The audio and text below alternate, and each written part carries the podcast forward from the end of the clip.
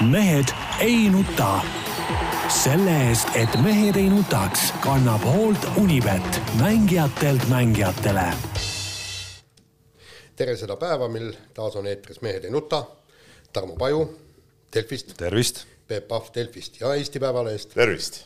Jaan Martinson Delfist, Eesti Päevalehest ja igalt poolt äh, mujalt lasti koju Soomest sind? Äh, mind lasti koju Soomes, Soomes oli hea olla, seal oli, seal oli täielik, äh, kuidas sulle nüüd öelda, niisugune äh, koroonavabadus, sellepärast Põhja-Soomes seal pole, Soomes polegi mingit koroonat. aga me sellest, sellest me rääkisime, jah, ma olin lennujaamas, aga seal oli jah, põhimõtteliselt inimesed maski ei kandnud äh,, no olid hästi sõbralikud ja, ja, ja, ja mis mulle meeldib, eks, eks see on Tallinna või Eesti külades on ka ikkagi sama, et sa tuled sinna nagu noh, sa oled nagu külaline, aga sa ei tunne, et, et, et sa tulid külla, vaid sa tunned, et sa oled oma inimene. kõik ainult sinatavad, kõik on hästi niisugune, meeldivad, väga sümpaatselt suhtuvad sinusse ja, ja igatpidi aitavad ja, ja noh, hästi lahe on.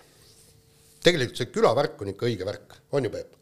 Ei no külavärk on õige värk muidugi, tähendab, no see ma kuulen siin, kui koosolekul üks hommikul peatoimetaja Soomlad rääkis sellest, kuidas ta käis kaupluses ja, ja seitsekümmend protsenti inimesed, inimestest olid ilma maskita, siis kui ma käisin samal päeval, sama päeva õhtul käisin Keilas Rõõmu kaubamajas, siis seal oli vastupidi, seitsekümmend protsenti inimestest oli maskiga, nii et noh see näitabki, et kõik, kel vähegi mõistust peas on, elavad linnast väljas, no siin, siin ei ole midagi rääkida. kusjuures linnas on tõesti, tõesti ääretult vähe neid maskikandjaid, et ma, mul ka kodupoes, kui käin, et siis no võib-olla kümnendik. ei no nüüd ei saa midagi vähem olla minu arust. ei no täna, täna on... pannakse kohe rimutusmasin tööle Peep läheb, ma arvan, nagu oma kaitse oma kaitseüksuse moodustab ja läheb lihtsalt nuudiga, ma arvan, taga ajama. jah, ei no mul oli, ma eile veel oligi siuke lugu, ma käisin äh, Statoilis, eks ole, võtsin Äh, võtsin, ostsin purgise tomatimahla, väga hea tomatimahl on seal müügil. Äh, sõitsin äh, trenni, eks ole.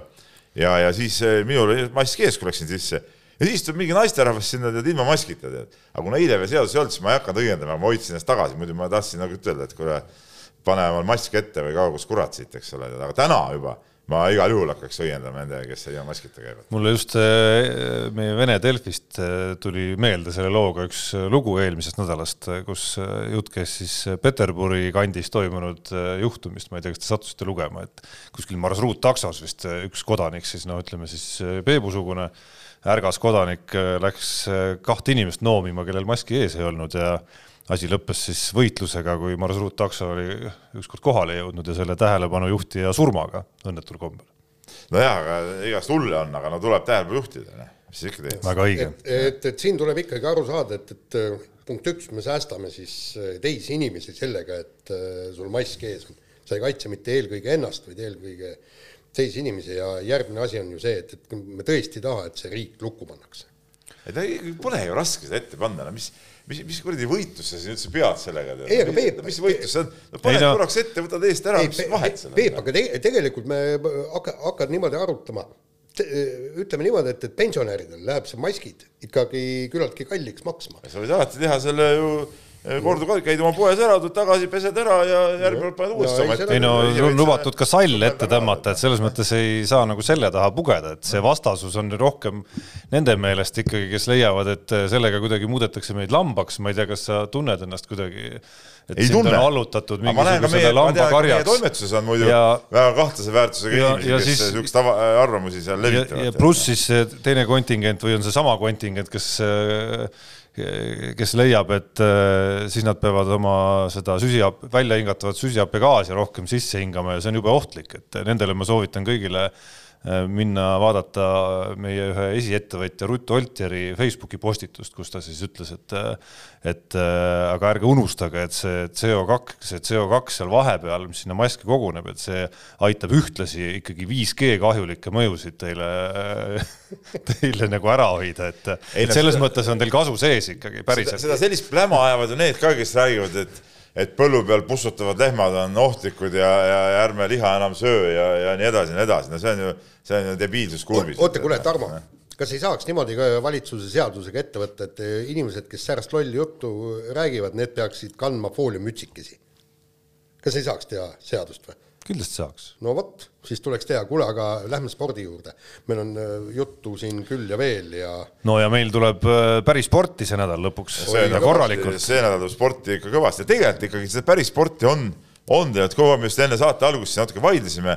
Jaan muidugi äh, ajas mingit segast juttu, et sporti kui sellist ei ole ja tuleb kirjutada ainult ütleme siukest äh, madalatele instinktidele äh, tuginevaid, tuginevaid artikleid, aga tegelikult see nii muidugi ei ole ja, ja päris sporti on, on tegelikult kogu aeg, võtame kasvõi siin koduse korvpalli või euroliigad või jalgpallid ja, ja värgid, et siin nagu kogu aeg midagi nagu on tegev. ja ütleme, ütleme see nädalavahetus, mis on, see on. see tuleb nüüd täitsa hull ju noh. no põhimõtteliselt eh, reedest peale sisuliselt inimesed peaksidki ennast istutama teleka ette ja, ja vaatama ja. Eh, hommikust õhtuni. kõik suusapaugud lähevad lahti, pluss siis korvpallid ja asjad, nii et noh. oi-oi-oi-oi. aga räägimegi siis nüüd eh, esiteks korvpallist, et et kui ma loen seda nimekirja kes eh, Eesti koondisest eh, välja jäid ja kui need liita nüüd sinna kampa, siis oleks meie sats eh, päris niisugune lootustandev. aga kui lootustandev ta nüüd on ilma nendeta, kes nüüd, kes siin Maik-Kalev Kotsarid ja kes seal oma klubi, Siim-Sander Vened ja kõik, kes, kes on kas vigastatud või oma klubide juures. no selge on no. see, et ma tahtsin öelda, et selge on see, et et äh, eemale jäävatest mängijatest saab kokku kõvem viisiku kui nendest, kes äh, kohal on. jah, et äh, nagu kahest otsast saab vaadata, ühest küljest, kui sa nüüd võtad nagu niisuguse potentsiaalse algkoosseisu, on ju, Gerg Riisa, Arizona ülikool, Rain Veidemann Saksamaa esiliigas ikkagi korralikke mänge teinud mees ja, ja Eesti koondist noh, kogemust. selle koha peal võib ka Paasoja. no võib-olla ja, või siis Paasoja, kes on Hispaania esiliigas häid mänge teinud, et noh, mõlemad valikud on okei okay, taseme mõttes, Veidemann ka oma kogemustega. siis äh, sealt edasi on meil Janar Jõesaar, Hispaania meistriliiga äh,, siis on Kaspar Treier, Itaalia meistriliiga ja meistrite liiga ja tsentri koha peal siis äh, Ritase äh, Ritase mees Kristjan Kitsing on ju, kes on seal ka väga korralikke mänge teinud. et, et kui Äh, meil oleks, ma ei tea, siin mingitel aegadel viis-kuus aastat tagasi olnud nagu sellise nimekirjaga algkoosseis, me oleks ikka nagu nii-öelda paberi mõttes olnud nagu väga rahul, on ju. aga noh, selge, praegu me peame tõdema, et see viisik, mis eemale jääb, et seal on äh, noh, Siim-Sander Vene, Kristjan Kullamäe Äh, Maik Kotsarist alustades eelkõige, pluss siis Sander Raieste ja Henri Trell sinna veel juurde, et, et äh, see list on ikka päris valus, kellest ilma jääda. pluss, kui me nüüd läheme selle esimese viisiku tagasi, kes meil olemas on ja ka viis meest veel ei mängi või kuus meest, siis me peame ka tõdema, et seal on ikka päris mitme mehe puhul ju korralikud agad ka juures veel, et äh, Gerg Riisa, kes A tuleb USA-st, harjub ajavahega, ei ole tükk aega võistluskorvpalli mänginud. Janar Jõesaar, kes on väga vähe mängida saanud seal Hispaanias et, et sellised agad hakkavad mängu tulema ja et see kooslus omavahel, mis nüüd, mis nüüd kokku satub seal ega nüüd nagu väga palju koos mängida ei ole saanud, et Kaspar Treieri puhul kasvõi need koondise minutid on väga väikesed seni olnud. oota, oota, ma ütlen siia vale. ei, oota, stopp, ei, ma ei tahagi rääkida. ütleme nüüd ära ka kuulajatele, et, et millest jutt on, et siis EM-valikturniir. no sellest said kõik aru. sellest said aru jaa, ära, ära hakka ajama. ja mängitakse Venemaaga ja siis. Põhja-Makedooniaga. Makedooniaga. mängitakse Venemaa ja Makedooniaga, nii. aga see selleks, ma tahtsin nüüd öelda selle. ütle kreeklastele. Selle koosseisu kohta aga kuule, kogu aeg võisid öelda Makedoonia, nüüd järsku käib mingi edvistamine no,. ei no., kui on olemas Põhja-Makedoonia, peab olema ka Lõuna-Makedoonia ja Ida-Makedoonia ja Lääne, aga ei ole neid. ei no tuleb, ütleb sulle Eesti NSV ja siis sa saad ka vihaseks mis vihaseks? okei okay,, ma arvan, makedoonlastele muidugi teeb see head meelt, kui sa ütled Makedoonia. jah, loomulikult, nii, aga äh, lähme nüüd selle koosseisu juurde, meil see ütleme, see põhiviisik on meil äh, noh, täitsa viisakas, midagi ei ole öelda, et, et see on, see on täitsa okei okay., aga rohkem mure ongi sellest, et et äh, see, ütleme, see vahetused või, või sealt see, need back-up'id on meil nagu, lähevad ilmselgelt nagu nõrgemaks, noh. et see koosseis, ega sa viie mehega, nagu sa ütlesid, ka hästi ei mängi ja, ja kui meil iga vahetusega läheb, läheb sats ilmselgelt nagu nõrgemaks, et siis, siis, siis see on nagu see murekoht ja, ja oh-, ohtude koht teisalt jälle see, mis sa siin välja tõid. seal on mõned Kalev Cramo mehed, kes ma usun, nagu hoia, aitavad mingit taset hoida no, kindlasti. aga ütleme nüüd, võtame Kurbas, ei no, ole eriti mänginud midagi. Martin Torbek Martin Torbek, noh, okei okay,, enam-vähem sihuke, aga, aga ta ei ole ka nüüd sihuke mees, kes hakkas koondist tassima seal loomulikult, ütleme, ta võib seal natuke seal hoida. noh, Hermet, noh, Hermet Nurger, eks ole, seal Hermet Nurger on, mitte kumbki ei ole siiamaani äh, kõrgel tasemel tegelikult häid mänge näidanud. no Hermet on vahetustest teinud mingeid no, mingid, äh, aga, häid episoode. aga need on ikkagi täiesti äh, tõesti episoodid, nagu sa ütled, ja lühikesed minutid, väga toredad poisid mõlemad aga ütleme, tipptasemel nad kumbki ei ole äh, kõvasti põrutanud, see on, see on, see on nagu fakt. ja kui sa nüüd ütlesid nende viisikumeeste kohta, lugesid üles, et kes siit ja sealt, noh, Kriisa jõuab, sisuliselt jõudis, eks ole, eile minu teada kohale pidi jõudma, no siin on viis päeva, kuus päeva aega ajavahega harjuda, see ei ole nagu mingi probleem, eks ole, aja, ajavahega harjutus kohe ära, põmm. noh, seal vist neljas päev on nagu teoreetiliselt vist kõige hullem, aga ütleme, sellega saab korda.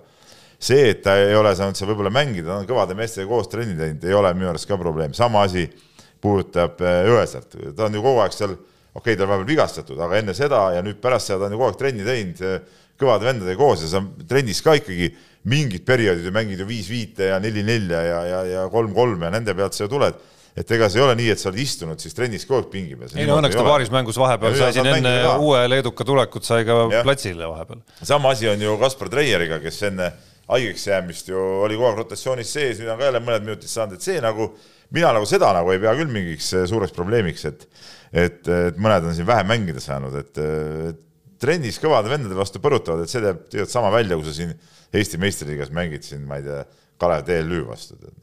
Aga noh, fakt on see, et see kooslus ja need mehed koos, noh on selline üsna võõras ikkagi, noh, kui sa sama Kaspar Treieri paned, kellele nagu võiks nagu lootusi panna selle järgi, mida ta on sellel hooajal teinud, siis ega tema koos nende meestega mänginud ju väga palju ei ole oma elus ikkagi, et, et siin on sellist nagu äh, ja kui suvegi meenutad, et suvel said siin ju mingid mehed äh, korralikku vatti, on ju, aga seal ka need koosseisud liikusid seal juba igas mängus olid natukene erinevad. jällegi otsitud põhjus. on, ei, ei, see ei ole otsitud põhjus, see on nagu ma arvan, selline nagu noh, täiesti mingi objektiivne asjaolu lihtsalt, mis on väljakutse treeneritele lihtsalt, et see asi tuleb toimima saada. kuidas see asi toimima saada väga lühikese aja jooksul. selle peale ma küsin, aga kuidas siis see ameeriklane seal Makedoonia koondises mängima hakkab? Pole kunagi näinudki neid mehi. no absoluutselt, ma arvan, et ega see nüüd ei ole. kuule, sul on siin neli-viis päeva aega seda timmida ja kui sul vähegi taset on, siis need mehed saavad ju aru, mida teha seal platsi peal. siin ei ole vaja mingeid kuid kokku lihvida siin äh, äärkeskele kombinatsioone. ei no koondistes no. seda võimalust ei tekigi kunagi. No, et selles mõttes asi. me oleme nagu suht sarnastes olukordades äh, välja arvatud võib-olla see, et Makedoonial äh, kuna enamik mehi tulevad kõik kodust, on ju, et seal natukene võib-olla seda koosseisu voolavust on nagu vähem.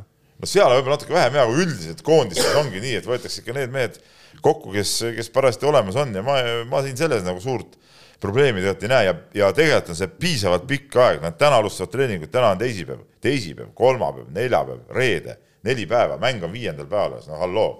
kui klassiga mängijad tulevad kokku, kui nad nelja päevaga suudavad aru saada, mida koos teha, ei suuda nagu seda niisugust tunnetust leida, no siis, siis ei ole klassist nagu mõtet rääkida. no ega, ega ma ütlen, minu jutu, minu jutu eesmärk ei olnud kindlasti nagu nii-öelda jätta kõlama mingit soiguvat stiili sellest, kuidas kõik on kehvasti, et et seesama näide sellest, kuidas viis aastat tagasi me oleks paberil sellise koosseisu üle, vaadates klubisid ja, ja nende tegemisi, oleks väga rahul olnud, noh, et, et juba see viitab sellele, et meil ei ole mõtet minna nagu nuttes sinna vastu ja mõelda, et oi-oi, kui raske saab olema ja siia meie ajalooline Äh, finaalturniirile minek nüüd lõpebki ja nii edasi ja nii edasi, et selge see, selge, et see ei ole nagu lihtne, et see Makedoonia ei ole üldse lihtne vastane, äh, keda siin äh, isegi koduses mullis nagu alistada, on ju. tõsi, noh, neil on ka üks oluline, väga oluline mees nagu puudu, aga see-eest on neil nagu hulk väga olulisi mehi olemas. nagu me rääkisime, sellisest nagu noh, mingisugune, mingisugune kooslus, mis on kauem koos olnud ja kes mängivad kõik Makedoonias, et see on nende pluss kindlasti. pluss siis see, et noh, neil on see võimalus, et ja põhimõte, et kui vaja, siis napilt enne mänge siis palkame ühe, ühe venna veel kuskile juurde ka, kes ei ole üldse kehv vend tegelikult. ja, ja, aga noh, samas nüüd naljakas või kõla on mõlemal võistkonnal enne seda, nii Eestil kui Makedoonial, enne seda põhimängu on nii-öelda nagu võimalik teha väike kontrollmäng, eks ole, mis nagu nagu tabeli mõistes et kõige tähtsam mäng on omavaheline mäng, eks ole, aga Eesti saab siis Venemaaga enne mängida. kuigi ma ütlen Eesti koha pealt, Eesti koha pealt muidugi eh, see tabeliseisu järgi, kuna meil on võit Makedoonia üle olemas, siis äh, ka võit Venemaa üle annaks nagu päris äh, korraliku puhvri juba ikkagi. tõsi, tõsi nagu me võime Venemaa koosseisu vaadates rääkida küll sellest, et seal on CSKA-st ja Zeniidist ja Himkist ports väga häid mängijaid puudu, onju aga noh, ütleme Venemaa klubide tase on lihtsalt selline, et sa võid võtta sealt järgmised mehed ja, ja, ja see on endiselt väga hea koondis ikkagi, meie jaoks vähemalt. ei, seda muidugi, aga mis ma veel nagu mõtlesin, kui eile Jukka Toiala ütles, et, et selle koosseisuga, et see põhimoment on see, et kuidas me ka, et noh, kaitses on vaja kõvasti mängida ja see kaitse peab olema see A ja O, mille pealt hakatakse mängima, siis ma mõtlesin natuke selle selle koosseisu peale. ja vot see on nagu niisugune võib-olla väike murekoht, et nüüd on küsimus muidugi selles, kuidas, kuidas Kriisa seal Ameerikas on, on võib-olla natuke arenenud, et siiamaani võib-olla füüsiliselt oli niisugune natuke kuidas ma ütlen, nagu kerge ja, ja, ja, ja kõhna võib-olla niisuguse jõuliste näiteks, kui vastu natuke jõulisemad vennad kaitses. no me teame, et kaitsemäng ei ole kindlasti Kitsingu kõige tugevam koht, eriti kui ta peab täitma tsentri rolli, mis, mis ei ole ka tema meelistegevus, eks ole, et ta seal klubiski mängib ju, eks ole, nelja positsiooni peal. ja, ja, ja see, ja see tüüp, kes nüüd Makedooniale sinna korvi alla värvati, siis ütleme, on selline tohutu nagu niisugune energiamängija, selline nagu, kelle oskused võib-olla ei ole nagu nii tohutud, aga ta on tohutu võitleja seal korvi all, ma mäletan seda Gran Canaria ajast, kui Siim-Sander Venega koos mängis ta ja toodi sinna hooaja keskele, et ta on selline suhteliselt ebamugav tegelane seal tegelikult, ma arvan, nii Rauno Nurgari kui ka selle Kitsingu jaoks. no Nurger ja, ja kui me tuleme ka Nurgeri jaoks, kaitsemäng ei ole ka ju mingisugune eh, mingi meelakkumine või, või meelistegevus, ega see tema tugevam külg. ehk siis siin nagu neid, neid küsimusi, küsimusi nagu, nagu on õhus küll just selle pealt, et kuidas see kaitse selle koosseisuga pidama saadakse ja võib-olla see viisik ei olegi üldse selline, nagu me sinuga praegu ette lugesime, et võib-olla siin ütleme, kaitse küsimus just siin on Martin Torbekul ilmselt on, on, on väga suur, väga suur roll hakkab olema, et, et kuidas, kuidas nad seda asja seal ja, Kurbasel võib samuti. Kurbasel samuti jah, et, et, et selles suhtes jah, ütleme siin huvitav, huvitav saab olema. no Jaan tahab tohutult edasi minna, aga ja, ma siiski ühe nüansi pean võtma ja, ja ma endiselt tuletan meile kollektiivselt meelde, et püüame täna hoida mingit rütmi, nii et kirju me enam ohvriks ei too saate lõpus, aga aga noh, ikkagi korraks peaks läbi käima võib-olla selle küsimuse ka, et et tõesti see puudujate list, viis meest, tõsi, asjaolud on noh, mitte kõikidel erinevad, aga seal on väga erinevaid asjaolusid. et kuidas nüüd vaadata sellel koroona ajastul sellele, et ma pean ise tunnistama, et okei okay,, osad mehed on koroonas, trell Kullamäel ei ole ka mingit varianti tulla sealt ära lihtsalt, kuna meeskond on karantiini määratud, on ju. aga et need huvitavad case'id on loomulikult Maik Kotsar ja, ja siis ka Sander Raieste, on ju. no me ei saa ju Raiestele midagi ette heita, kui, klubi ignoreerib eh, koondise kutseid, et ega siis Raieste ise ei saa ja. ju võtta oma asju ja, ja sõita siia, et sama asi ka Kotsariga. ja no Vene, Vene ja Kotsari case'id on ka veel sarnased, selles mõttes, et neil on jah. vigastusest paranemine, nad juba mängivad ja ilmselgelt klubi eh, noh, on väga vastu sellele, et nad kuhugi läheksid, mis on eriti koroona ajastul nagu väga paratamatu, ma pean tunnistama, et kuigi on neid, kes ütlevad, et no mis asja, et, et õiged patrioodid ikka tulevad kohale ja lehvitavad sellele klubile ja saadavad nad pikalt, on ju. noh, siis ma arvan, et kui sa ei ole just Martin Müürsepa masti staar, nagu Müürsepp on kunagi tõestanud, siis no mina ei suuda küll mängijatele nagu etteheidet teha selles olukorras, et nad, et nad selles surves, mida klubi neile paneb, teevad sellise otsuse, et, et ei no, tule ikkagi. no jaa, aga samas jalgpallureid me ju piitsutasime selle eest. no kes piitsutas? Mina, mina ei suuda neile nagu ette heita seda, et ma arvan, et äh, need on valikud, kus, äh, kus me, kus me, kus me suurem osa, Jaan, ma arvan, oleksime sunnitud tegema ikkagi sellise, võib-olla üksikud vaprad suudavad teistmoodi selle otsuse teha. selge see, et koondis on püha ja mina olen alati koondist pidanud kõige tähtsamaks ja tegelikult äh, ikka tahaks ju, et need põhimehed oleks kohal, aga just selle praeguses koroona tingimustes, kui oleks tavaolukord, siis ma küll ütleks, et kuulge mehed, kurat, olete mehed või, või, või mingid kukesupi sööjad, tead, noh noh, et see nagu ei ole nagu reaalne, et ei tule nagu kohale. aga praeguses olukorras, kui siin on nagu need muud tegurid on nii palju juures, eks ole, et, et et kui tulevad, siin midagi juhtub, ei saa enam võib-olla tagasi, eks ole, noh, asjad võivad siin täitsa käest ära minna, et, et selles suhtes on see nagu mõistetav. aga seda kõrgemalt tuleb hinnata jälle neid mehi, kes, kes tulevad kohale, noh noh, eriti seda, okei okay,, see, see Kriisa case on üldse üks kummaline lugu, tead, no mina seda, sina, Tarmo, tunned neid Ameerika no, ülikoolisüsteemi paremini, ma saan aru, sa ka ei saanud päris selgelt no aru, ei, nii hästi ma ikkagi ja. ei tunne, et äh, see vajab ilmselgelt tema enda suust mingit selgitust. seda, seda ei ole veel õnnestunud saada. et mis, mis, mis litsentsist ja millest seal jutt on, kas see puudutab kuidagi õppimist või, või millega see täpsemalt seotud on? jah, et, et noh, segane värk, aga, aga, aga põnev, põnev saab olema, laupäeva õhtu kakskümmend kolmkümmend soovitan ikkagi vaadata kõigil või mis soovitan, see on käsk. see on kohustuslik, absoluutselt. Äh, vahetame teemat. Äh, talihooaeg, nagu siin sissejuhatuses sai ja. juba mainitud, äh, saab oma hood üles, esimesed võistlused on tegelikult juba MK-tasemel toimunud ka, Kelly Sildaru osales siis äh, pargisõidus ehk siis kuidas me nüüd ütleme selle selle kohta, vigursuusatamine ei ole isegi õige, et ei, freestyle. Freestyle'is osales MK-etapil, see piirdus küll kvalifikatsioonivõiduga ja siis kukkumisega soojendusel ja põhivõistlus jäi ära, Arti Aigro sai MK-punktid kirja suusahüpetes ja eeloleval nädalavahetusel on siis nii laskesuusatajad, mäesuusatajad, murdmaamehed ja naised kui ka kahevõistlejad alustamas ja noh, lahtine küsimus, mida ootame? no minu arust on ootused on päris kõrged. Ja, et need ootused on päris kõrged, eriti see, mis puudutab, vaatasin nädalavahetusel kahevõistlust, me ise kandsime Delfis üle Norra meistrivõistlusi, mis on tegelikult maailma absoluutne tipptase, eks ole, koos Kristjan Ilves seal võistles, oli väga hästi pildil.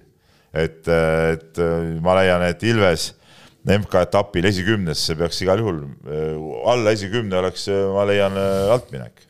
No selle... ütle nii ei, no mis see, kuule, kui sa sõidad, kui sa sõidad äh, MK-sarja eelmise hooaja äh, esi kolme ja esi nelja mehega, sa tead sisuliselt lõpuni koos, lõpus kaotad sa neile natukene, see tähendab seda, et sa MK-etapil pead suutma ka ikkagi seal esikümne mängu sekkuda. no neljas-viies norralane, ütleme olla, ei anna veel seda, et sa iga etapp oled MK-l esikümnes, aga, aga see peab olema see level, kus ta, mis, mis näitab, et kas ta on hea või ei ole hea. Noh. ja kusjuures pange tähele, tema suusahüpped olid väga head ja noh, tähendab, ühesõnaga ma olen seal äh, natukene äh, uurinud kõrvalt ka, eks rääkisin poisiga endaga ka ja tegelikult just seal hüppemäel on ta nagu, norralased joonduvad juba tema järgi et, et, et see, selles mõttes on ta tõesti ja noh, suusaajad tundub, et, et on ka oluliselt paranenud, nii, järgmine asi, Marko Kilp ega need olus, olusvõistlused suurt midagi ei öelnud, aga kui sprinter paneb distantsisõitjatel ära, siis on väikene lootus,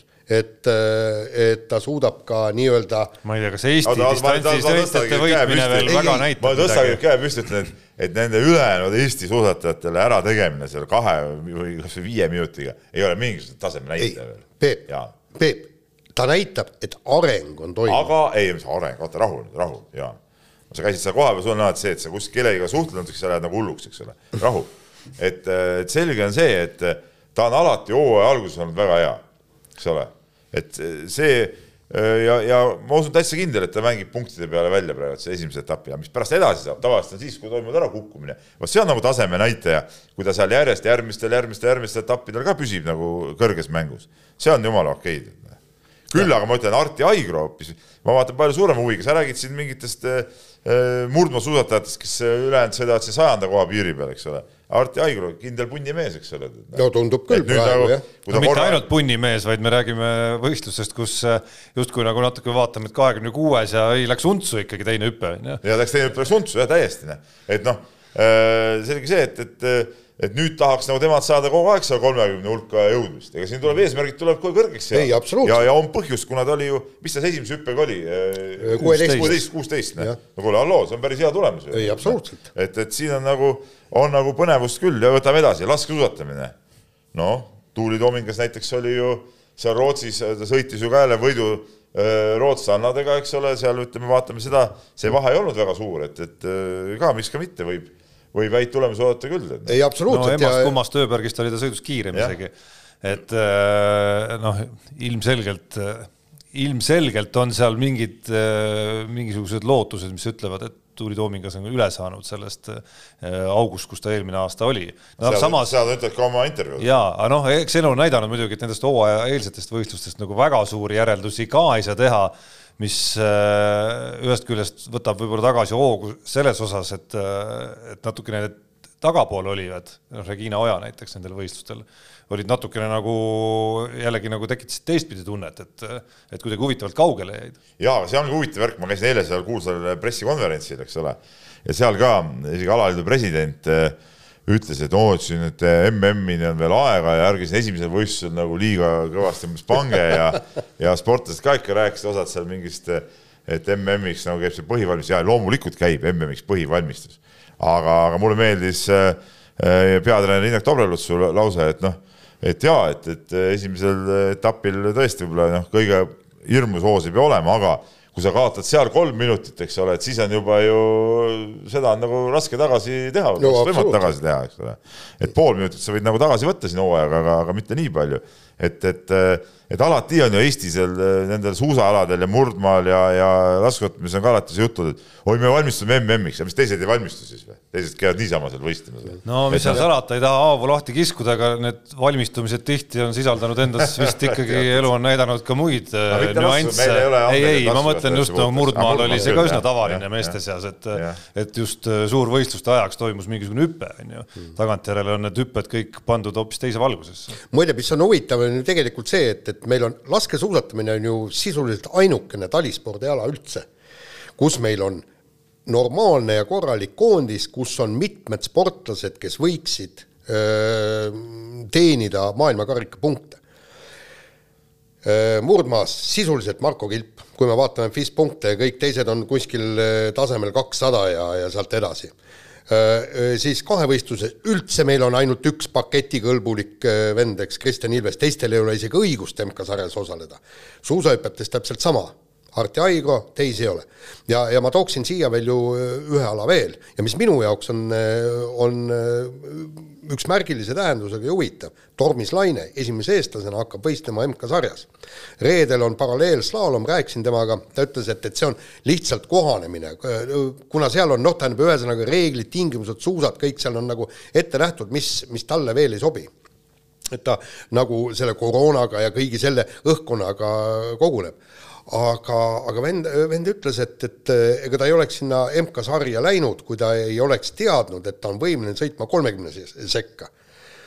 ja seal alal on ju veelgi see keerulisem, ta hakkab praegu, ta on saja kaheksas slaalomis, saabki ainult slaalomit sõita. Ja hakkab siis sõitma saja kaheksandana startima, kui juba rada on sisse sõidetud, püdel, nagu ta ütles, et oma liini ma sõita ei saa, ma pean sõitma seda liini, mis teised on sisse sõitnud ja ta ütles, et sellest soost ja sopast tulebki nüüd välja ronida. Aasta-kahega, kolmega. Ja ühte ütlen veel, mis on eh, tegelikult ka väga huvitav.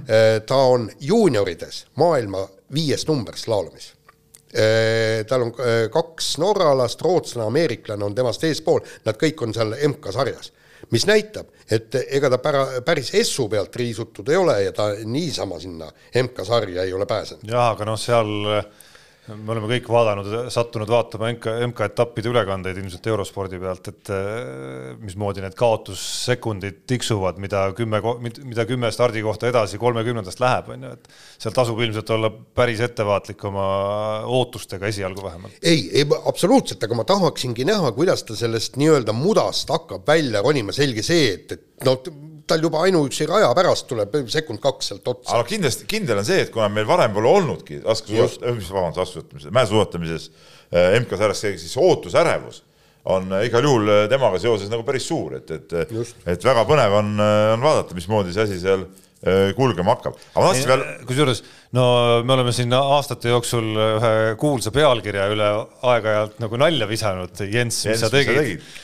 tervitame, tervitame, tervitused siit onu, onu Gunnarile, Gunnar Pressile siis aga meie kõigi kui, vaimne isa ja õpetaja, eks ole. aga kui Tormis Laine peaks jõudma, jõudma samasuguse märgini, siis ilmselgelt tuleb see pealkiri ikkagi sealt sahtlist välja tõmmata. aga kuule, teeme siukse asja. olgem ausad. anname siin nagu ametliku lubaduse, et kui see juhtub, siis sellise pealkirja me paneme. jah, noh, olgem ausad, see juba see noh, suusahüppemägesid Eestis on ikkagi leidunud ja suusahüpetega on ju tegeletud. päris mägesid nagu eriti pole olnud no,. no okei okay, aga no ikkagi ja, ja. nagu midagi sinnapoole, aga noh, see, mismoodi ruttamata nüüd ette nendest sündmustest, et saame selle koha enne kätte, aga noh, ilma selletagi juba see sinna sarja pääsemine on omaette. ei no kuutsekalt võib alla lasta. mis kuutsekalt, no ta on ikkagi ju teismeeas väga väiksena juba läinud ju koos perega kuskile välismaale ja, ja, ja kõik seal ümber, nii tema ise kui ka perekond on toonud igasugu ohvreid, et poiss saaks oma unistust püüda, et, et väga huvitav jälgida, kas jõuab ka mingisuguse nagu äh, tasuni see ükskord. me läksime nagu nüüd libedalt, läksime selle mäesuusa peale, ma tahtsin korraks laskesuusatamise juurde tagasi tulla, et Jaan siin rääkis sellest toimivast koondisest ja asjast. aga tead, minu arust laskesuusatamises on ka ikkagi need asjad on kuidagi nagu väga segased seal praegu, et üks asi on see peatreener Dobreluts, siis on seal sellest hooajast on ju see Karmen äh, Reinpõld on seal juures. Ja, ja nagu Tuuli Tomikas ütles, et ta lõpuks äh, kevadel ta ei saanudki enam aru, et, et äh, see infot hakkas tulema ühelt poolt, teiselt poolt, et keda kuulata, et tema nagu siis läks nagu ainult Dobrelutsu nii-öelda juhendamise peale, aga teisi sportlasi ju laagrite vahel seda Dobreluts ei juhenda, vaid on, on, teevad siis Reinpõllu, äh, toetusel, kellelgi on seal veel võib-olla mingid omad treenerid, et, et eks seal on ka parasjagu niisugust äh, segapudru tead. no eks nad õpivad ka mõnes mõttes, ma arvan, treenerid ka käigu pealt, et kuidas seda asja ühildada, aga samas, kui sa tood selle murdma võrdluse, siis vähemalt kõik on nagu ühe mütsi all ja me ei näe mingit kismat seal toimumas. ei no seda küll. et kõik küll. leiavad endale sobiva variandi lihtsalt, nii et peatreener, isegi kui ta ei ole iga sportlase isiklik treener, omab arusaama, mis nende sportlastega toimub. ja ühe asja ma tahaks veel ära märkida, visaduse etalon on ikkagi mõnes mõttes Kadri Leht. Kadri Lehtla sest noh, tegelikult on olnud, olgem ausad, on olnud täitsa tipptasemel nagu Eesti mõistes ju siis aastaid, aastaid. Eesti kuskil, mõistes no,, ma olen ise käinud Östersundis maailmameistrivõistlustel, kus ta Eveli Sauega koos olid seal teise ja kolmanda kümne nagu konkurentsis ja, ja, ja ta oli tõesti nagu no,, tundus, et siit nagu hakkab tulema, hakkab tulema jah, ja eilsest intervjuust ma sain aru, et seal ikkagi treeningutega vahepeal pandi väga palju puusse tema puhul. ja nojah, selge see augus oli, aga see, et ta nüüd nagu on sealt välja roninud ja, ja. tuletan meelde, see oli kaks tuhat kaksteist vist peaks olema see aasta, kui ma seal Östersundis käisin, kaheksa no, aastat tagasi. no vot ja, ja, ja on uuesti nüüd koondises oli ju katsevõistlus nii-öelda teine, teine naine meil, eks ole Toomingu järel, et, et väga huvitav on vaadata, et kas ta nüüd tõesti suudab tulla üles võib-olla see kunagise, no see oleks kunagise taseme taastas, meil oleks jumala tipp-topp tipp-topp äh, sportlane olemas, eks ole. ja, ja kusjuures laskesuusatajatel tuleb ju märkida see, et, et hooaeg on ülitähtis, sellepärast et jagatakse olümpiakohti. Eriti, eriti tähtis on see meestele, kes on praegu ju Just. ainult kolme mehega, nad on seis on niisugune, et kolm meest saavad startida. naistel on, eks ole, neli naist vähemalt stardis, meestel on kolm. aga, aga noh, ka no, Kadri Lehtla puhul ootame nüüd need MK-etapid ka ära, kõik, kõikide nende ja, puhul. nõus, lihtsalt, et see on jälle üks asi, mida ma tahtsin öelda, mida nagu oodata ja vaadata nüüd see nädalavahetus, et, et see on nagu huvitav nagu kaasa elada, noh, jah no Kellist me nüüd ei rääkinudki midagi. no, no Kelli seis on ju tegelikult ikka segane, aga tegelikult me täpselt ei tea, kui kui hullusti see, hull see kukkumine oli või kui hullusti see põlv viga sai, et praegu pole mingit... siin juba vabandust korra, siin äh, fakti täpsustus ka, kaks tuhat kaheksa lausa oli see Östersundis käik ahaa, et see. see oli kaksteist aastat tagasi juba, et seda müstilisem ja. on, et seniajani Kadri Lehtla on nagu veel, pole jonni jätnud. Ja aga, aga no mis okay, Kelly, Kelly puhul on ju selge see, et, et noh, tema ainukene eesmärk saabki olla öö, esikohad nii pargi kui ka öö, rennisõidus ja, ja siis Big Airis noh, poodiumi koht ja, ja kui sa oled maailma valitseja, no sa oled maailmameister rennisõidus, no teist eesmärki saagi. mul on ikka selline tunne, et kas ülejäänud ei ole ikka nagu oma tasemes mingit sammu edasi astunud? no ma ei tea, ega, aga no Kelly nii väiksed need saavad olla siis? ei no jaa, ei no see, ei väiksed, väiksed, nad panevad selle, selle kohta, eks, et, et nendes tingimustes ideaalsooritus on sada punkti, kes on ei, ma saan aru, noh mm., aga kuidas see oli nii, et, et päris võistluses ju, mis võideti mingi kaheksakümne punktiga umbes. jah, no kehva no. oli jah. no seda ma räägingi et järelikult nagu see, ei ole keegi oma taset tõstnud. aga muide uh,. Uh, see nagu, nagu trenni nagu tehtagi, ma ei tea. ma parem ei ütle midagi asja kohta, millest ma ei tea. ei, ma ei teagi, ma küsingi seda mm., et see on, mulle tundub, kas see ei tundu nagu naljakas see või mm.? et nagu mingi spordiala on, aga mingit taset nagu ei ole, et see kell ja niimoodi domineerib. Okay, naljaga pooleks ja ma tõesti ütlen ma ei jaga sellest suurt midagi. äkki see on samamoodi, nagu me teame mõnda legendaarset spordiajakirjanikku, kes on komandeeringus öelnud teiste väljaannete kolleegidele, et kuule, et ärme ikka nagu nii palju tööd tee keegi, et siis on vaata kõigil mugavam no jaa, on ka siukseid mehi olnud muidugi, noh et äkki seal ka on niisugune vaikiv kokkulepe. äkki vaikiv kokkulepe on jah, jah. okei see oli nali. nii, aga kiirelt, äh, kiirelt. lähme nüüd kiirelt jalgpallikoondise juurde, kes siis nagu meil Jaan on siia kirjutanud, igavusmängus viigistas null-null Gruusiaga ja kas Kalev Voolaiu aeg on siis otsas ja mees jääbki võiduta, no võib üsna kindlalt öelda, et aeg on otsas ja mees jääbki võiduta. no mine sa tea, äkki no, selle... äkki ei, antakse te ei, sellele ikka mingit äkit siin ei ole. sellele, sellele viitavad märgid ikka nii selgelt juba, nii need märgid, mis on avalikult välja öeldud, kui ka need märgid, mida jalgpalliajakirjanikud, kes asjadest rohkem teavad, äh, nii-öelda teavad sinna juurde veel, aga noh, piisab tegelikult Aivar Pohlaku avalikke lauseid selle kohta, see oli meil kas eelmine nädal vist äh, ja. see lühiintervjuu, mis oli Aivar Pohlakuga, kus oli nagu noh, tegelikult oli seal märgi, ikka väga märgiline koht äh, mitmes mõttes. esiteks Karel Voolaidi tuleviku suhtes ja teiseks ka selles suhtes, kus Aivar Pohlak hakkas rääkima sellest, et justkui meil olid siin mingid, mingid muud mehed pidid tegelikult alustama üldse, et talle olid ka, talle, et talle olid ka üllatuslikud mingisugused valikud seal koosseisus, mis on muidugi täitsa absurdne jutt, et kas peatreener ei olegi siis nagu täitsa vaba selles see on nii ja, nagu ja, see ja on miks nii nagu võrkpallis see Hanno Pevkur eh, lepib kokku peatreeneriga, et kes siis mängivad. ja noh, see Nagu- sõna, ja see sõna, loo- mis ta kasutas, ei olnud päris, et leppisime kokku vist. Ei no jaa. Aga mõte oli küll selline kumas. mõte jääb ju samaks ju, mõte jääb ju samaks. jaa, aga, aga tegelikult noh, ühest küljest on ka ju Karel Voolaiust äh, kahju, sellepärast et no, no mitte midagi ei ole teha, tema ei saa väljakul äh, olla ja seda söötu anda, vaata, mis väljaanne see tegi selle väga huvitava statistika on ju, kuidas seal oli, et noh, põhimõtteliselt me punkt üks, me anname oluliselt vähem sööte kui, kui Gruusia ja teiseks meil nii vähe sööte jõuavad kohale, kui seda mängupilti vaadata, see on ikka täiesti katastroof, mis seal toimub ju. Ei no ja ma, selles suhtes ma äh, loomulikult ma ei taha ka selle peatreenerit nüüd siin mutta tampida, eks ole, ma tunnen, tunnen ikka treeneritust saati mingi teatud solidaarsust, et noh, et ega ta, ega ta ei saagi midagi teha, noh, sa ei saagi midagi tihtipeale teha, kui sul on need mehed, ütleme, sul on mingi nägemus, sa ütleme, proovid seda meestele edasi anda, mehed seda ellu ei vii, noh, noh, mis sa saadki teha, sa ei saagi midagi teha. ei no eks äh, teda tasub äh, hukkamõistmise asemel äh, ka mõista juba sellepärast, et äh, meenutame, tegelikult võttis ta koondise üle ikka ju päris hullus seisus. null kaheksate pealt. ja, ja teiseks sellepärast, et äh, eks see koroona ajastu tegi ta tööd kindlasti mitte lihtsamaks, et, et mingid plaanid ja kalender ja nii edasi selle- selle kraesse nüüd küll midagi ei hakkaks et kindlasti see lihtsamaks ei teinud, aga no mis, mis jääb nagu teistpidi kõlama ikkagi, et ega ta ei suutnud ka minu arust äh, sellesse koondisse ikkagi mingisugust nagu sellist no mingisugust sära nagu sisse süstida ka. Õige, õige, sära, sellest, et sellest jäi nagu puudu ikkagi. see sära ongi täpselt see, mis oligi, lõi see. Ütleme, sära on võib-olla- kes meil on nüüd see kolm väravate meister seal, eks ole. lõi selle imeilusa värava, eks ole. Sappinen. Sappinen, jah. no vot, lõi selle ime, imeilusa värava ja mis siis oli seal, paar meest, kes oh, korraga võib-olla tegi niimoodi keegi, võib-olla mõni mees jooksis sama tagasi. kuule, peale siukest kolli peaks ju nagu möll käima, ja, mitte midagi ütleme, pole. sära on veel nagu üks sõna nendest paljudest, et sära, usku, ühtekuuluvust, mingit sellist nagu seda ei, ei Seda ole, tegelikult ei tekkinud ja see on küll mõnes mõttes treeneri eh, teha muidugi, mitte mõnes mõttes, vaid, vaid otseselt treeneri teha. nii, aga nüüd laseme kõlli. Ja kiire vahemänguga kütame kiirelt tõesti edasi, sest tahaks kirju, kirju oli päris huvitavaid ja kõik nii, Jaanus Tettpan, Eesti suusakoondise peatreener äh, intervjuus äh, andis teada, et ja küsis, et, et kas suusatajal, kes ei pea nädalatki äh, Venemaa või Norra treeninguid vastu, kas sellisel mehel on üldse õigus midagi nõuda, jutt käib sellest, et nõutakse igasugused treeninglaagrid, värke, särke, kolmas-neljas ja, ja noh, ta sel- selgitaski, et kõigepealt tööta ennast sellele tasemele, kus me saame äh, hakata tegelema peenhäälestusega. täpselt, kahe käega olen nõus, Jaan, ma rääkisin sulle seda nädal tagasi ka. rääkisin nädal tagasi, kuule, meil ei olegi sellisel tasemel vendi, kellele peaks kõike ette-taha ära tegema.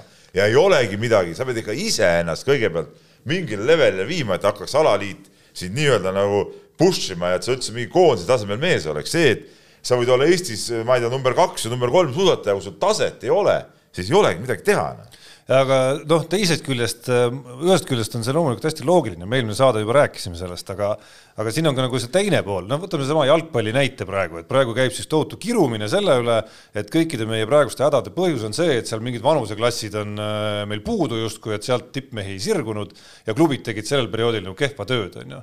nii, ja siis nagu jalgpalliliit ütleb, et näe, klubid on nagu süüdi, on ju ja üritab nüüd mingeid samme teha, aga noh, tegelikult on alaliidul ka ilmselgelt ju roll ikkagi oma alas toimuva koordineerimisel.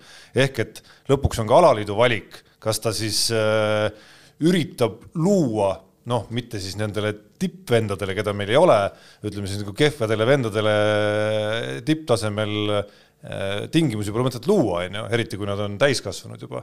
aga ütleme, et kas ta nagu võtab ette mingisuguse järgmise ešeloni, kellest võiks tulla tipud ja hoolitseb ka ise ja panustab ka ise sellesse lisaks klubide hoolde asja jätmisele, et nad saaksid ikkagi mingi elementaarse aja näiteks aastas lumelgi olla. No sa ei saa suusatada ja sinust ei tule suusatajat, kui sa selles Jaa, vanuses Tarmo. ei ole lumel ei piisavalt no jaa, aga mõtle, meil on ju et muidugi on võimalik vaadata, et las klubid ise on, las nad ise otsivad ja ei siis laiutad ja siis ja siis laiutad, oota, oota. ja siis laiutad käsi, et näed, meil ei ole kasvanud üles ühtegi Ta, suusatajat. Tarmo, Kristiina Smigun koos oma õega isaga, nad panid seljakotti ju konserve täis ja sõitsid rongiga, sõitsid sinna Soome, elasid tõesti pisikeses kambris keetsid ise pliidi peal süüa ja tegid seal trenni ja jõudsid nii kaugele, et, et hakatigi neid jõuliselt toetama. laskesuusk, ma käisin kunagi Soomes kahe tuhandendatel kuskil käisin Olosel sealsamas tegemas lugu, kuidas no tõesti, seal olid veerpalud, maaed, kõik elasid igalühel oma mökk.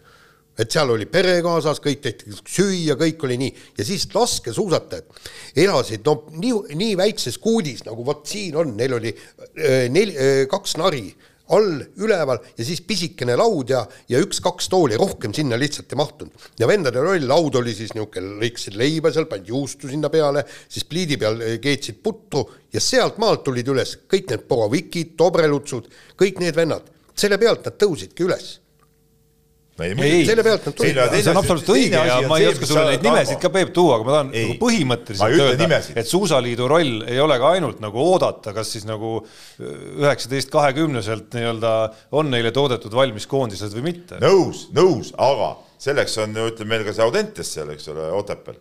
et, et need suusatajad, ütleme parimad suusatajad ju kogunevad ikkagi sinna just, no nemadki peavad lumele pääsema. Nad peavad lumele pääsema küll. no aga, aga käisid klubid, jah? ja, ja nüüd klubid käivad ka, et, et ega siis alaliit ei saa siis võtta, et et oh, saadame sealt mingid kaheksateistaastased need ja need, need sinna kuskile lumele, see on ikka puhas klubide asi, midagi peab klubid teha ka jääma ju noh. no kas Audenteslased saavad kuidagi lumele? Ma tusjas, ma ei tea, kuidas ei no põhimõtteliselt nad käisid Audentes, see, see neiu, kes Nendel on ka oma see klubid, aga nemad saavad seal, nad koha peal treenida, nüüd on tehti see konteiner, see lumemasin ka ju tead, noh et nüüd ju Otepääl ikkagi saab selle ringi ju maha panna, see rajaehitus ju käib, et nad saavad seal ka sõita ja teha. Noh. ja no kokkuvõttes ega see palju tööd tehakse ära ka ju, ju suveperioodil no,. noh, mis ei ole, see lumi ei ole see ainuke asi. nii, vahetame teemat, NBA draft oli meil äh, möödunud nädalal ja Maik-Kalev Kotsarit äh, siiski ei valitud kahe ringi jooksul ära.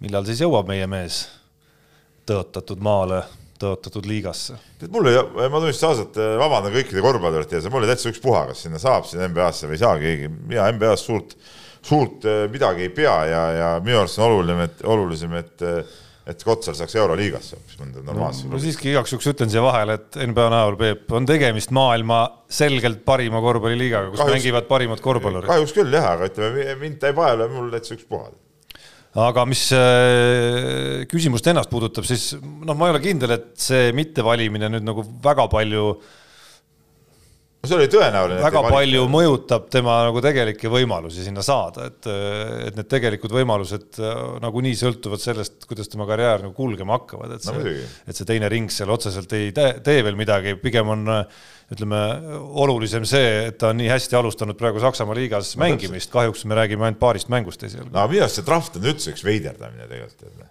no teise ringi osas võib-olla, kuigi. vahet ju ei ole ju. No nii, ei, ei, päris. ei, selles suhtes, et NBA klubi saab ju palgata ükspuha millist mängijat ju tegelikult ju. no välja arvatud, kui draftis valitud ja sa oled ja. oma õigused, õigused nii-öelda oma. seal, siis sa oled ikkagi kõikidele NBA klubidele ju valla ju tegelikult. absoluutselt. noh, sellest ma räägingi, et see on ju mingisugune veiderdamine tegelikult ju, see on show ju.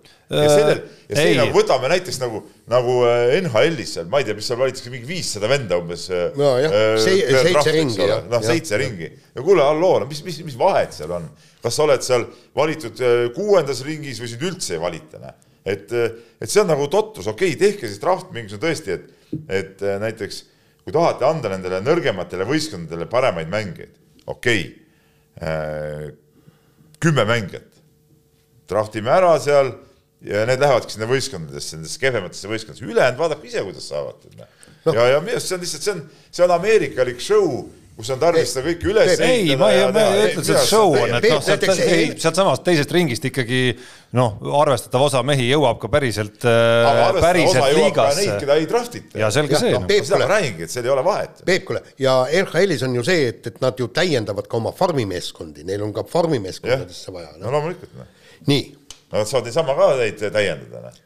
no jaa, aga noh, tahavad võtta noh, parimaid noormängijaid. ma saan aru, aga seal tihtipeale ju draftitakse mingid Euroopa mängijad, kes kunagi ei jõua sinna lähedalegi, et see on ja. nagu mõttetus ju kõik. no just. nii, aga lähme edasi, Jürgen Henn, FC Flora äh, ka suurepärast tööd teinud äh, peatreener, äh, ütles sellise lause, et kui meeskonda tulevad mängijad, kes ei oska ega taha peaga lüüa, siin on sulgudes pandud Mihkel Ainsalu, siis see on mingisugune märk. ja mis märk see ikka saab olla, see saab olla märk ainult äh, kehvast noortetööst.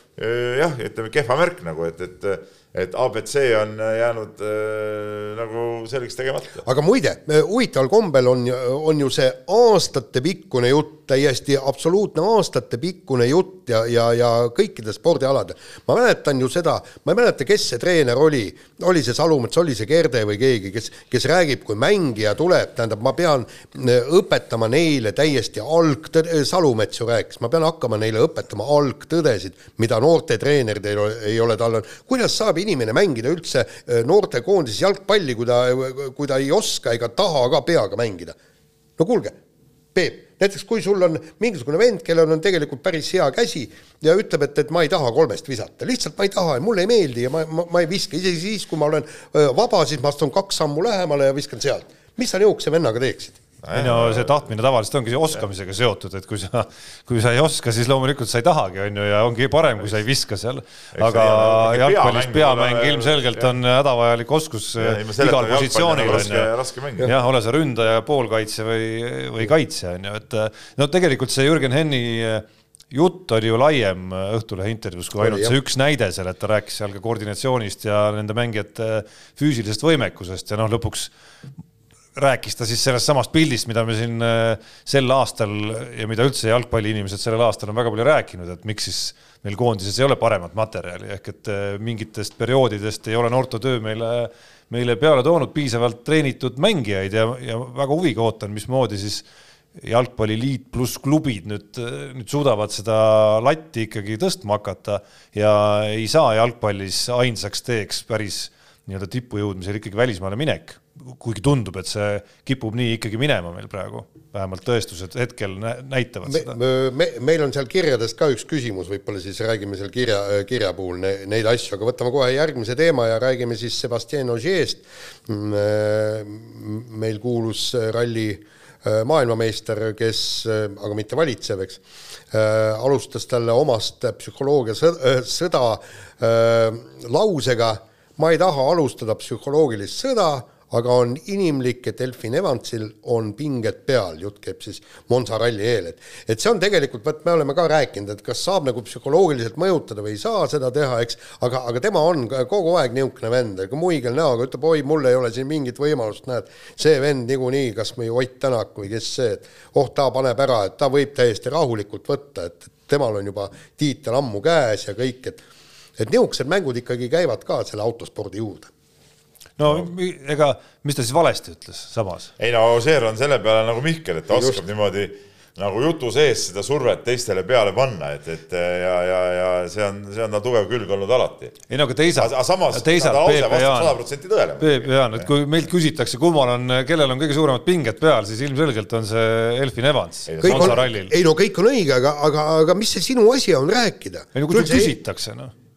ütleb, et ma ei räägi, Elfin Evans, saagu ise hakkama muidugi. Jaan on muidugi hea mees. mõistad kuidagi hukka selle. Jaan on muidugi hea mees õpetama, tema, kes on ma mäletan, esimene, üks esimesi asju Jaaniga tutvudes kunagi oli see, et igal inimesel peab olema iga asja kohta arvamus, on ju, millega ma lõpuni ei nõustu, et mm. asjade kohta, millest midagi ei tea, ei pea arvamust olema, aga et miks sa utsitad Ogier'd ütlema, et ta ei taha midagi öelda, no, kui küsitakse? ei no, ei loomulikult ta teeb see ja ma kujutan ette, et ralli ajal on ka, et, et siis, kui on katsed läbi, tuleb patsu. kuule, no kuidas sul on, on nagu surve peal või mis? ei, no neil on seal äh, kuidas seal rallis nimetatakse, need boksid või mis iganes alal on ju võimalus kokku puutuda ja mm. noh, kasvõi kas, kasvõi silma, silmapilgutusega natukene seal mingeid mänge mängida. ja jah, ei, põnev saab olema. nii, aga kiire vahemängu lõpetuseks äh, äh, tunnustame Orava küla, kus ametlikel andmetel kakssada kakskümmend üheksa elanikku, sealt on äh, Eesti võrkpalli juba toimunud ja toimumas korralik tähesadu. nimelt siis Robert Tähe viieteistkümne-aastane vend Tristan valiti Eesti U kaheksateist karikavõistlustel võrkpallis siis parimaks mängijaks. no tundub, et sealt on ka ikka mine, midagi tulemas ja üks asi, geenid, sul on vanem vend paneb nii vingelt ja sa tahad muidugi, see on ju selge, et sa tahad vanemale vennale ära panna ja, ja siis teedki selle nimel tööd ja kui sa vaatad, viieteistaastane poiss kaks aastat vanemate konkurentsis valitakse tur-, turniiri parimaks.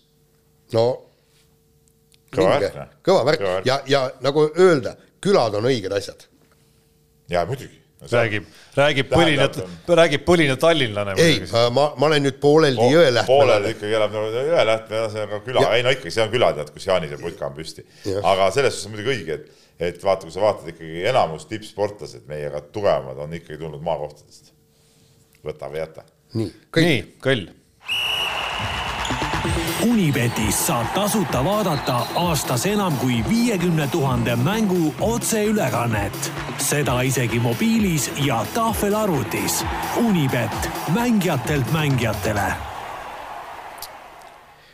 nii, Nonii, kuidas meie võistlus on läinud?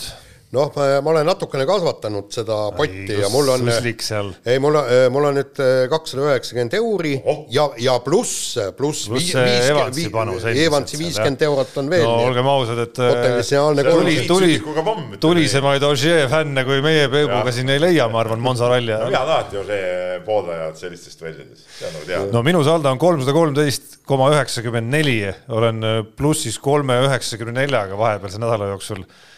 ma ikkagi läksin põhimõtte pärast, tegin selle Kotsari väikese avantüüri ka ära, aga kahjuks teda ei valitud viis koma kuus oli koefitsient seal, aga siis äh, nädalavahetuse äh, Eesti-Läti korvpalliliiga ja Rapla tuhast tõusmine ja väga enesekindel tuhast tõusmine, kusjuures. millisest tuhast? no Kalevi vastu kaotusseisust ütleme, noh tuhka ei olnud No seal muidugi niisugune kümne kümne kandis kaotusseis see. oli tegelikult niisugune mäng, kus oli kogu aeg äh. Ilmselgelt tunda, et see võib kalduda ühele või teisele just, ja see tunne ka. mängu ajal selle panuse sundis panema ja see aitas mu vähemalt plussi nädala kokkuvõttes. käisin saalis vaatamas, et seal kohapeal ei tekkinud niisugust tunnet, et nüüd Kalev peaks selle mängu võitma kuidagi, mulle tundus kogu aeg, et nagu see Rapla, Rapla pool on nagu kindlam. nii ja Peep, pass.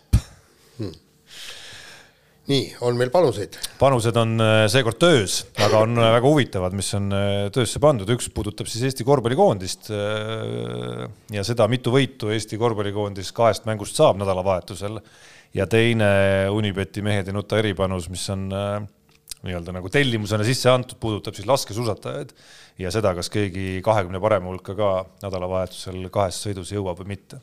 huvitav, kaks, kakskümmend on muidugi noh, Nii et hoidke kätt pulsil. No kokku neli jah, kaks meest ja kaks naist. nii et hoidke kätt pulsil, aga nüüd kirjad. nii, lähme kirjade juurde ja ma jätkan oma men.delfi.ee tuletan jaa, kirju on palju, ma jätkan NBA drafti naeruvääristamist ja loen ette Jaanuse kirja.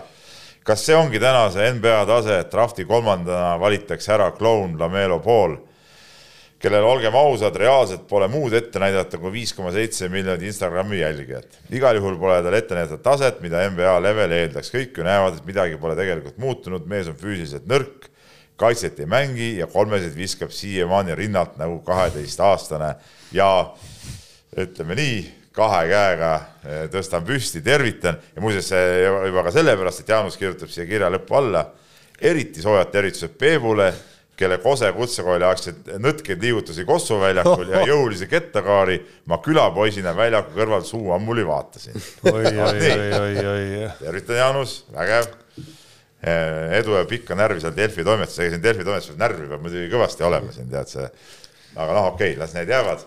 aga ütleme siis nii, et kõik, mis puudutab äh, kujutad ette, Jaan, Eestis on mehi, kes on kasvanud üles Peepu kummardades, et meil on olemas, meil on olemas inimesi, kes on kasvanud üles, ma ei tea, Cristiano Ronaldot kummardades on ju, võib-olla Aivar Kuusmaad, Tiit Sokku jälle Gerd Kanterit, Erki Noolt. noh, Tammistet, aga kas ma Krikunni, kas ma kuulen siin kahe mehe ütleme, jutus Absoluutselt. kadeduse nooti nagu. Muidugi muidugi puhas kadedus. nii, aga mis, räägime nüüd poolist. Aga see ongi nüüd see, mis ma ütlesin, naeruväärne kogu see NBA. Ei no selle- selle- Lamelo pool on täielik kloun. ja lihtsalt ma tahtsin nii palju parandada, et, et küsimus ei ole niivõrd draftis, vaid selles, et mingi meeskond ongi valmis nii-öelda tegema panuse sellise mehe peale, võib-olla muidugi oleme aastate pärast kõik siin üsna rumalad.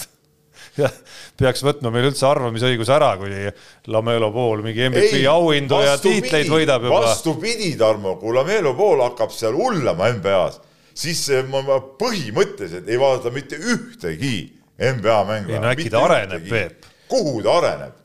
noor ta on mees. loll nagu lauajalg. ei no aga selles osas areneb ka korvpalli võib-olla mõttes, noh. no sa oled näinud ju neid tema, jumal, ta oli see väike poiss, käis siin Eestis ka mängimas. Olen näinud. jumal, ma pärast oksendasin mitu ämbrit täis, hirmus noh, noh, see on hirmus lihtsalt. on küll jah, aga äkki ta areneb noh. kuhu?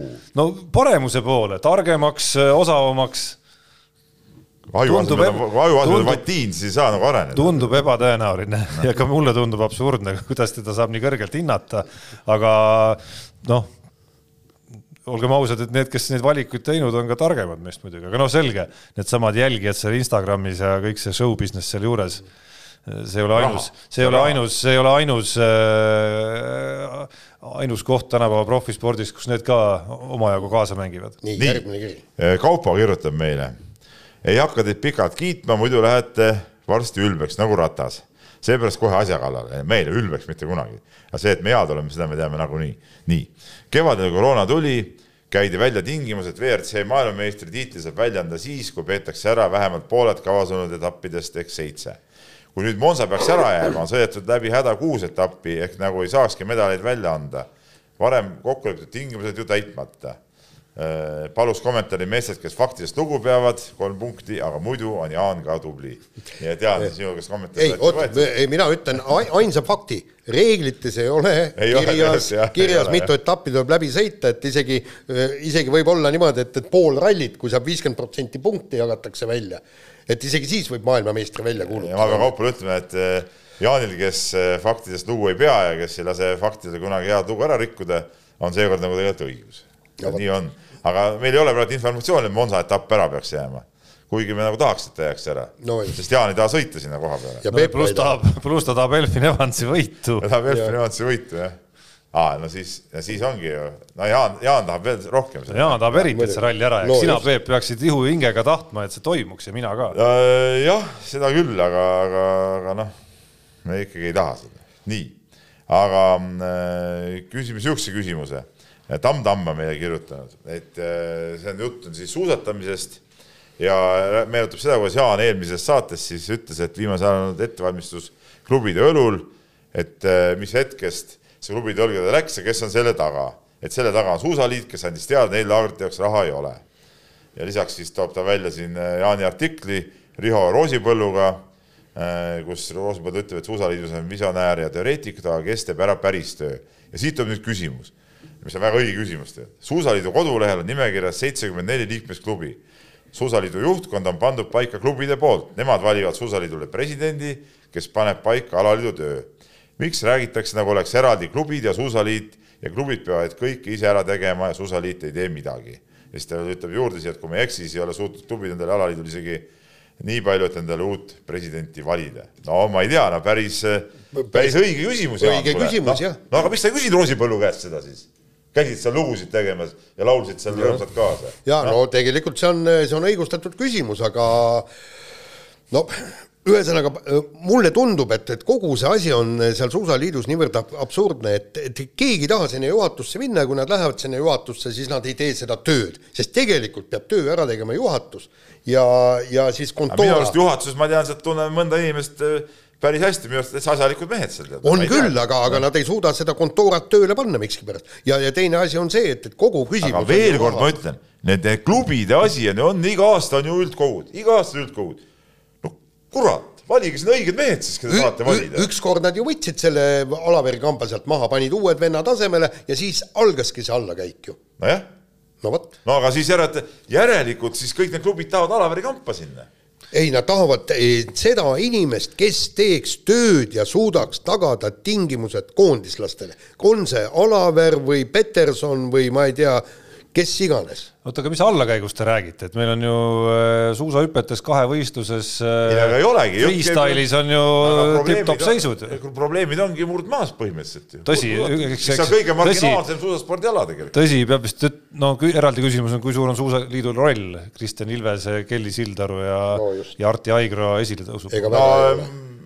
Nii palju, kui mina olen aru saanud, nad ikkagi on nendesse Ei. Norra minekutel nendele kaasa ja aidanud. ütleme kahevõistluse, aga, aga ja ma ütlen nii, et kahevõistluses ongi seal eh, eesotsas on ikkagi suhteliselt asjalikud vennad. jaa, aga Peep, kahevõistlus on meil kadunud, kui enne oli vähemalt meil neli venda, et me saime satsi välja panna, MK-etappidel oli seal ikka mingid noored poisid on ka, et okei okay,, üks, üks nemad- poiss on, eks ole, vigastatud Jah.. noh, siis selle Ilvese vend on veel olemas. Kes seal siis- on kes veel- pidid ka Norras võistlema, aga jäi haigeks, eks jah ole,. ja seal on veel paar no venda, mingid aga nad ei veel. ole isegi MK tasemel. Kristjan Ilves jõudis, vaata, ta oli kuueteistaastasest. no kõik, no me ei saa ka eeldada seda, et kõik kuueteistaastased jõuavad MK tasemele. nii ja me peame lõpetama ja ma tahangi enne, kui me kõlli käima paneme, öelda, et äh, kui just mingeid viimaseid ka ootamatusid ei tule, siis äh, olge kõik teavitatud ja kursis ja valvel. Äh, laupäeval kell neli peaksime me osalema Tartus toimuval podcast'i festivalil Aparaadio, nii et üks lisa erisaade on meil ka sel nädalal tulemas, mis on ka otseülekandes. juhuu. juhuu ja kuulake meid järgmine kord mehed ei nuta. saate tõi sinuni Unibet, mängijatelt mängijatele